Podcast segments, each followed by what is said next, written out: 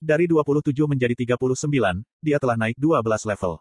Selain saat dia memasuki instan Dungeon pertamanya di level 1 dan pergi di level 17. Dia belum mendapatkan peningkatan level secepat ini lagi. Bahkan, dia memiliki level yang jauh lebih rendah saat itu dan berharap untuk naik dengan lebih cepat. Ini bukan masalahnya baginya sekarang. Dengan demikian, semua ini dapat dikaitkan dengan jumlah raid yang telah ia selesaikan dengan Jin Ho. Sudah empat hari, sejak kami mulai raid bersama. Kami telah mengurus sembilan dungeon dalam empat hari itu. Petik satu. Dan sembilan dungeon itu adalah dungeon cerang, kesulitan tertinggi yang sangat jelas untuk seseorang. Itu memang kecepatan yang gila. Tapi, bagi para hunter lainnya yang membutuhkan gate cerang, itu seolah-olah bencana yang menimpa mereka. Bahkan Jin Ho yang telah menyaksikan peningkatan waktu pembersihan Jin Wo, terkesan. Tentu saja, semua ini masuk akal bagi Jin Wo. Lagi pula, dengan setiap peningkatan levelnya, menyelesaikan tingkat kesulitan yang sama akan berubah menjadi lebih mudah bagi dirinya.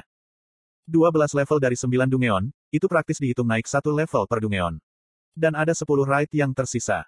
Jika dia menyelesaikan 19 raid yang ia janjikan kepada Jin Ho, dia mungkin bisa naik level lagi sebanyak 4-5. Dia ingat, jika dia pernah mengalahkan Hunter Berang, ketika levelnya di 20-an. Dia tak lagi yakin, seberapa kuat ia sekarang. Hatiku berdetak kencang. Jinwo meletakkan tangan di atas jantungnya. Dan dia merasakan pukulan yang kuat dari itu. Badum-badum-badum. Itu adalah perasaan yang menyenangkan untuk mengalami pertumbuhan kekuatannya hari demi hari. Semua ini adalah sesuatu yang bahkan tak bisa dia impikan di masa lalu. Berpikir jika dia akan benar-benar menikmati memasuki gate dan membersihkan Dungeon. Itu karena, aku bisa memastikan kekuatanku setiap saat. Saat dia naik level. Saat statistiknya meningkat. Berburu monster memberinya jaminan seberapa banyak kekuatannya sudah berubah. Berburu. Dia benar-benar merasa telah menjadi seorang hunter yang sebenarnya. Gagasan berburu tak lagi canggung baginya. Sekarang, dia memiliki tujuan baru. Demon Castle. Dia level 21, ketika dia pertama kali memasukinya. Sejak itu, dia telah memperoleh peningkatan hampir 20 level. Jinwo bertanya-tanya apakah ini akan cukup. Tapi kemudian, jika berpikir kembali tentang Cerberus dan dia menjadi tak yakin. Jika aku masuk melalui gerbang kastil dan bertemu dengan sesuatu yang aku tak bisa lari darinya. Dia bergidik. Akan lebih baik, jika dia bisa melarikan diri menggunakan skill, stealth. Tapi bahkan itu bukanlah kemungkinan yang bisa menjamin. Kamu bisa sukses 10 kali berturut-turut. Tapi satu kesalahan saja bisa merugikanmu. Itu adalah kehidupan seorang hunter. Jadi, dia membutuhkan jaminan penuh. Kepastian jika dia bisa melawan sesuatu seperti Cerberus dan menang. Nama Cerberus berwarna merah. Kesulitan monster itu diklasifikasikan berdasarkan warna namanya. Di luar Demon Castle, Jinwo belum melihat monster lain dengan nama mereka yang berwarna merah. Instan Dungeon lainnya yang ia masuki sejauh ini, semua memiliki monster tingkat rendah, termasuk Mol Mirai hari ini. Tapi, ada sesuatu yang salah. Apa itu? Ketika dia memikirkan gagasan jika dia hanya melihat monster dengan nama merah di Demon Castle, sesuatu terasa aneh. Seolah-olah dia lupa akan sesuatu. Apa aku pernah melihat monster dengan nama berwarna merah di luar Demon Castle? Itu tak mungkin. Bahkan pada level 21, dia hampir mati saat melawan Cerberus. Jika dia bertemu monster nama merah sebelum itu, dia pasti akan mati. Ah. Jinwo tersentak tak percaya. Ya, memang ada saatnya. Suatu waktu di mana dia lari dari monster dengan nama bernama merah, sampai dia hampir mati.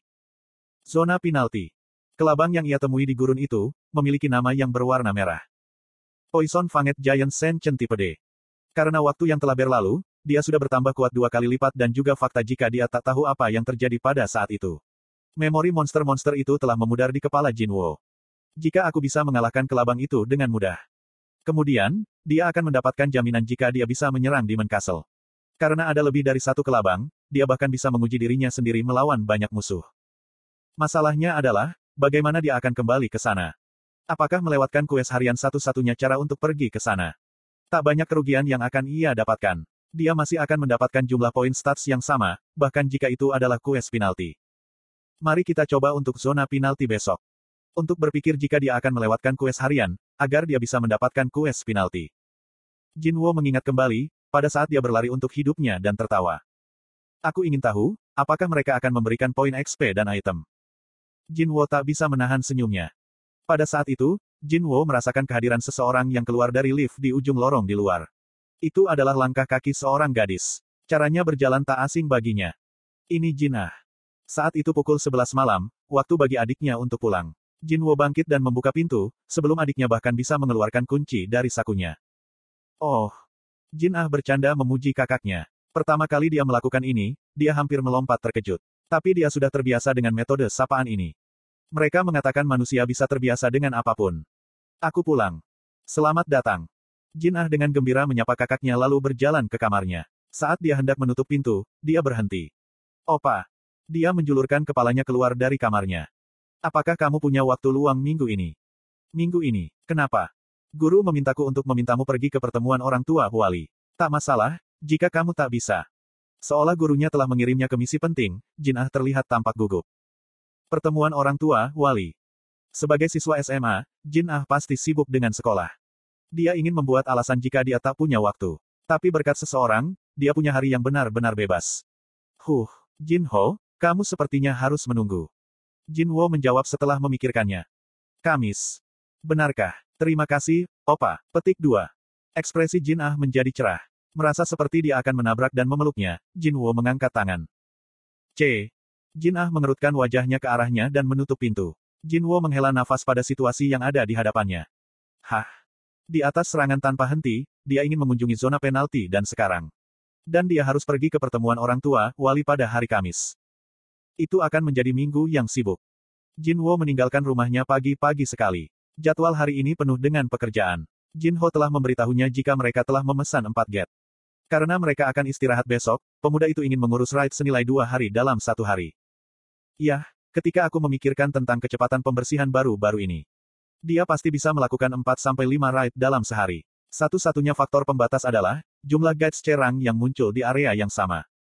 Jadi, hari ini adalah hari yang agak beruntung. Dia dengan senang hati berjalan keluar apartemen, tapi dia tak melihat Bongo Jin Ho yang akan selalu menunggunya di sana. Selain itu, dia merasakan kehadiran yang tak dikenal di dekatnya. Tes. Jika bukan karena apa yang terjadi kemarin, dia tak akan memikirkannya. Tapi tidak setelah pertemuan itu. Aku bahkan sudah memperingatkan mereka. Jinwo menemukan orang yang mengamatinya sedang bersembunyi di sudut. Pria berjas bisnis sedang memeriksa waktu di arlojinya, dan tak melihat Jinwo mendekatinya. Jinwo berbicara tepat di depan pria itu. Permisi. Pria itu melompat kaget. Ha Hunter Sung Jinwo Nim. Dia tampak seperti melihat hantu. Iya, itu sebabnya aku menyembunyikan kehadiranku. Jinwo mendecakkan lidahnya di dalam. Kamu dari Guild Backho, kan? Hem, ah ya, aku Hyun Gicheol dari manajemen divisi kedua Guild Backho. Sepertinya ini adalah bawahan yang Ahan Sangmin bicarakan kemarin. Senang bertemu denganmu, Hunter Nim. Hyun Gicheol dengan hati-hati mengulurkan tangannya. Dia meminta jabat tangan, tapi Jin Wo tak berminat dengan itu.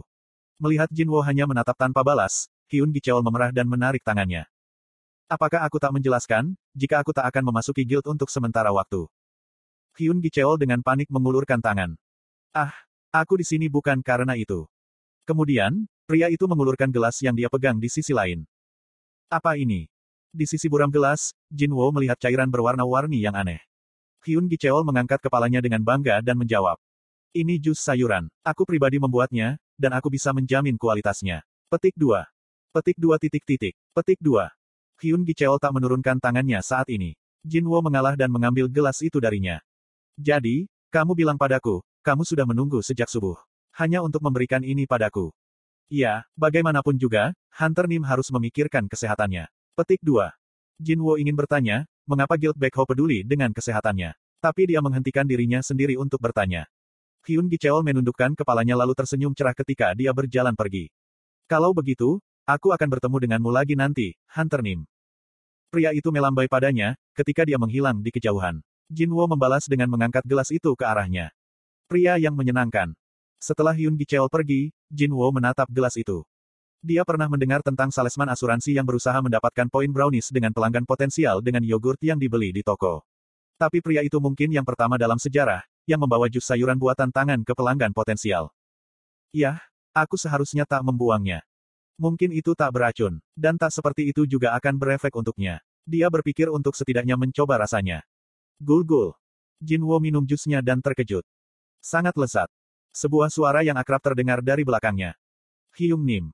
Berbalik, dia melihat Jin Ho mendekatinya. Tersenyum cerah seperti biasa, pria muda itu menunjuk ke arah Hyun Gicheol berjalan pergi. Hyung Nim, siapa itu tadi? Aku melihatnya berdiri di sini sebentar. Jawaban Jin Wo singkat. Seorang penjual asuransi. Ah. Seperti yang diharapkan, Jin Ho menerima penjelasan itu tanpa keraguan. Jin Wo melihat sekeliling dan bertanya. Di mana mobilmu? Jika pemuda itu melihat Hyun Gicheol menunggunya, itu berarti dia pasti juga sudah menunggu di dekatnya. Tapi Jin Wo tak melihat mobilnya. Aku parkir di sana, Hyun Nim. Mengapa? Bukankah ada laporan tentang pembunuh berantai di daerah ini? Aku tak berasal dari sekitar sini. Jadi, orang-orang sini menatapku dengan aneh. Jin Wo mengangguk, mengerti. Itu adalah insiden yang terjadi di berita. Para korban kebanyakan adalah wanita muda. Mereka mengatakan sudah ada dua pembunuhan bulan ini. Tentu saja, jika orang melihat bongo aneh diparkir di pintu masuk apartemen. Itu masuk akal para tetangga akan curiga. Jin Wo meminum tetes terakhir jus dan mulai berjalan menuju tempat Jin Ho memarkir mobil. Ayo pergi. Ya, Hyung Nim. Monster kali ini adalah Lizardman. Sesuai dengan namanya, Lizardman adalah humanoid dalam bentuk kadal. Berjalan dengan dua kaki, mereka menggunakan kedua senjata dan terkadang sihir. Mage Lizardman jumlahnya sedikit, tapi mereka adalah musuh yang menyebalkan. Dua bola api muncul di tangan Mage Lizardman. Sihir. Saat Jinwo mencoba mendekati mage itu, dua Lizardman yang berjaga di sisinya mengangkat tombak mereka. Refleks reptil mereka cepat. Jinwo melompat mundur untuk menghindari tombak mereka. Tapi bola api meluncur ke arahnya, satu demi satu. Wash. Hyung Nim, hati-hati. Jinho berteriak dari kejauhan. Bang! Gua berguncang dengan ledakan.